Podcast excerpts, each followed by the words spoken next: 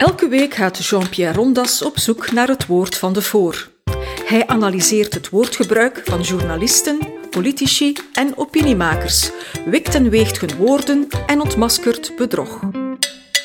Beste luisteraar, mijn recensie van het boek Wie Wat Woke van de socioloog Walter Wijns besloot ik met een verwijzing naar het to-do-lijstje op bladzijde 64, een actielijst met 24 doelstellingen die de woke-beweging zo snel mogelijk wil realiseren. De inschatting van de horror daarvan liet ik bij wijze van ademstokker aan u over. Maar mijn stelling vandaag is dat als met deze voornemens ook maar een begin wordt gemaakt, de wereldbevolking zal uitgeleverd worden aan de diepste dunktirannie ooit. Wok zegt het zelf. Wok zal de geschiedenis herschrijven, de taal uitzuiveren, nieuwe kanons ontwerpen, de geesten decoloniseren, het collectieve geheugen uitzuiveren, de wetenschap en de wiskunde reinigen van witte vooroordelen, genderrolpatronen ontbinden, de seksualiteit bevrijden van heteroseksuele normen, de economie bevrijden van hebzucht en de humor uitzuiveren. Dat zijn nog maar tien van het twee dozijn sferen die door de woke-activisten geviseerd worden. Het is u misschien opgevallen dat er meestal iets van iets anders wordt bevrijd. Mentale concentratiekampen, geestelijke gulags en psychische killing fields staan ons te wachten als dit allemaal doorgang vindt. Ik sloot mijn recensie af met de titel van een roman die in het begin van de Tweede Wereldoorlog in de Franse doorgangskampen in het Duits werd geschreven en al in 1940 in het Engels werd gepubliceerd, namelijk Darkness at Noon van de Hongaarse journalist en romanschrijver Arthur Kustler, die er wereldberoemd mee werd. De roman vertelt over drie lange verhoorsessies het showproces en de executie van Rubashov, eertijds medestander van een communistisch dictator. Weinig romans hebben het Sovjetregime zo vroeg en zo grondig ontmaskerd als deze roman. Sartre en de Beauvoir keurden het boek af. Wanneer Walter Wijns het heeft over de sorry-cultuur van woke, dan is dat niet meer dan een brave term voor iets wat bezig is in Stalinistische showprocessen te ontaarden. Op bladzijde 212-213 citeert hij het prototype van een excuusbrief, geschreven door een beroemde Amerikaanse danslerares die iets verkeerds had gezegd en die met haar excuses probeerde te voorkomen dat ze door het schervengericht van de sociale media, de sociale woestijn, werd ingestuurd. Wat in de anglosfeer ook meestal gebeurt. Woke kent geen vergiffenis. Het verhaal van de poging om de schrijfster van de Harry Potter-reeks J.K. Rowling te cancelen is genoegzaam bekend. Deze en andere incidenten deden me denken aan Kustlers Darkness at Noon. Toen ik nog een en ander wou opzoeken over deze briljante en veelzijdige auteur, stootte ik op iets dat journalisten meestal ironisch noemen. Kustler overkwam gelukkig na zijn dood datgene waardoor ik aan hem dacht. Men probeerde zijn gedachtenis te cancelen. Uit erkentelijkheid voor een belangrijke som uit Kustlers erfenis had de Universiteit van Edinburgh een borstbeeld laten plaatsen in de hal van de psychologiefaculteit. Toen een van zijn biografen, tegengesproken door andere biografen, hem ervan beschuldigde een serieel verkrachter geweest te zijn, gebaseerd op een getuigenis over gebeurtenissen 50 jaar voordien, toen eisten feministen, die zich in die hal niet meer veilig voelden, de verwijdering van de buste. Net als in Sovjettijden werd Kustler tot onpersoon verklaard. Tot zover de ironie.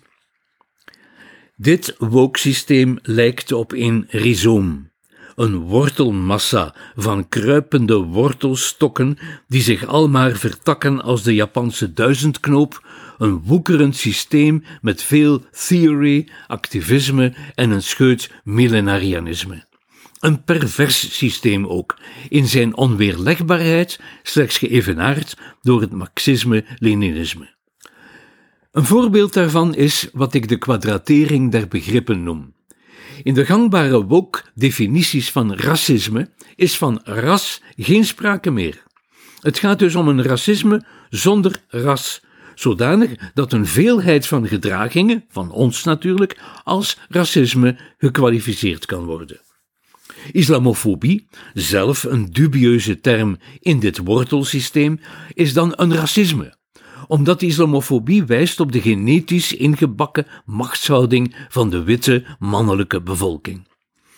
Anderzijds wordt de kleurenblindheid die wij decennia lang hebben geoefend en beoefend nu verfoeid. In naam van het antiracisme hoort men nu toch weer kleur en ras en racialisme te zien. Zo kan de samenleving makkelijker ontwit worden, snapt u? Bij deze kwadratering der concepten hoort eveneens de decolonisering. Vandaag wordt er lustig op los gedecoloniseerd in landen die nooit andere gebieden gekoloniseerd hebben. Decolonisering zonder kolonies dus. Het volstaat dat de bourgeoisie in Wenen, de stad Wenen in Oostenrijk, exotische planten invoerde om van kolonisering en dus van de noodzakelijke decolonisering te kunnen spreken. Walter Wijns geeft het voorbeeld in zijn boek, maar hij geeft me de indruk het ermee eens te zijn. Maar kolonialisme wordt dan een metafoor voor een hele levenshouding.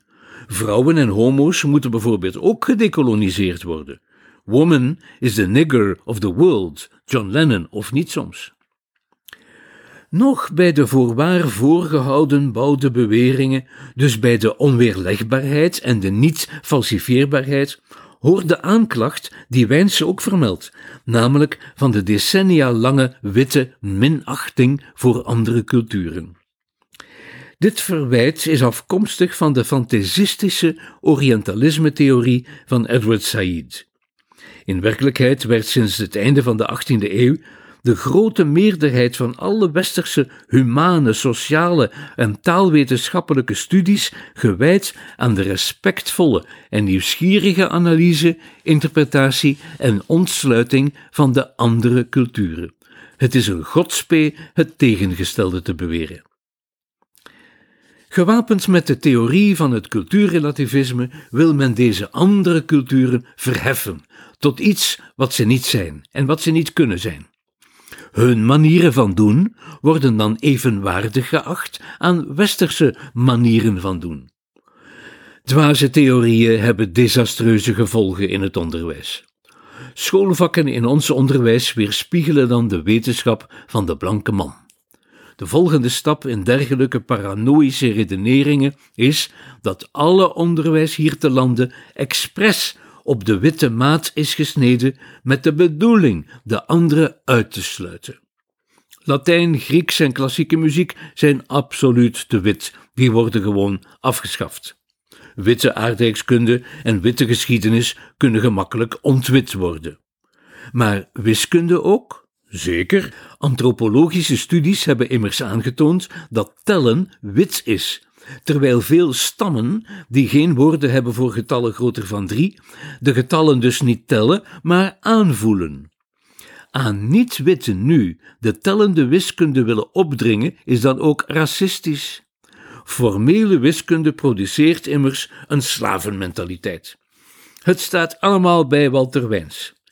Aan slecht presterende scholieren, die dit ondertussen ook wel vernomen hebben, wordt zodoende een excuus aangeboden om het hele witte onderwijs te verwerpen.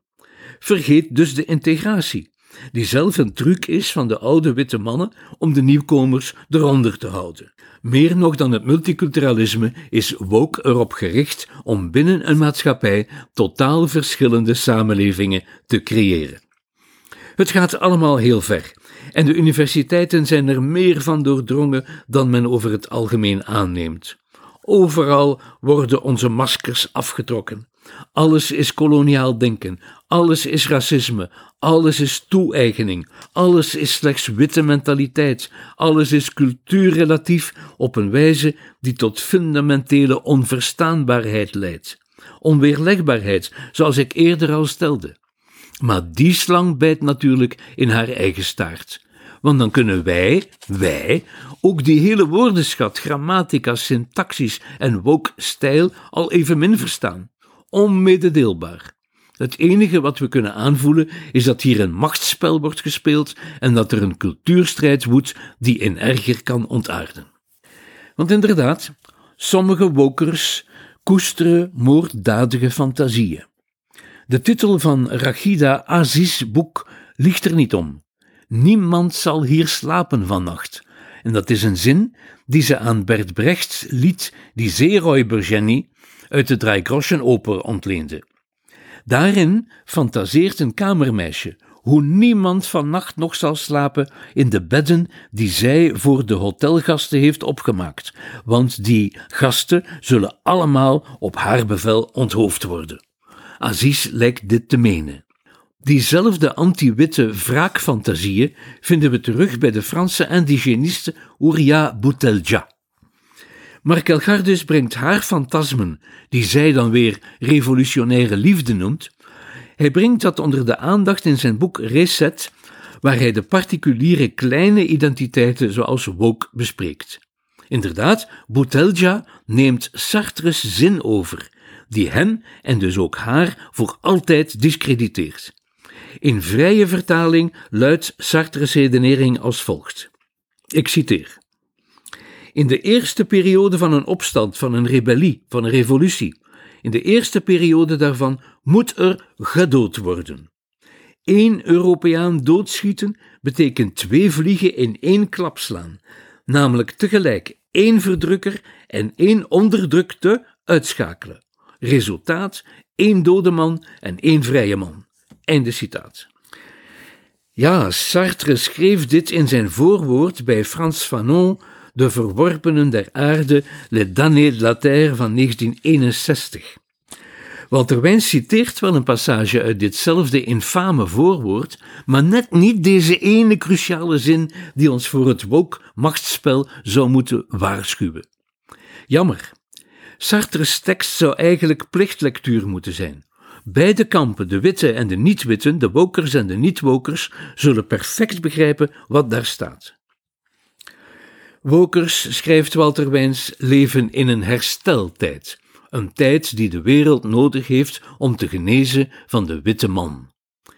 Deze helende wokers zijn niet van plan zachte heelmeesters te zijn. Zij zijn namelijk in verwachting van het Rijk van de Vrijheid. De communisten zijn in het naderbijbrengen van dit rijk mislukt, omdat ze aan al te strakke partijstructuren vasthielden. Dat zal de wokers met hun rhizomen, wortelstructuren niet overkomen. Zij zijn echt van plan de machtigen van de troon te stoten en de nederigen te verheffen, zoals het ergens en ooit in het Latijn werd gezongen. Deposuit potentes decede, et exaltavit homiles. Het millennium komt eraan. Dit was een episode van Doorbraak Radio, de podcast van doorbraak.be. Volg onze podcast op doorbraak.be/slash radio of via Apple Podcasts, Overcast of Spotify. Bezoek ook onze website op doorbraak.be en steun ons door een vriend te worden van Doorbraak.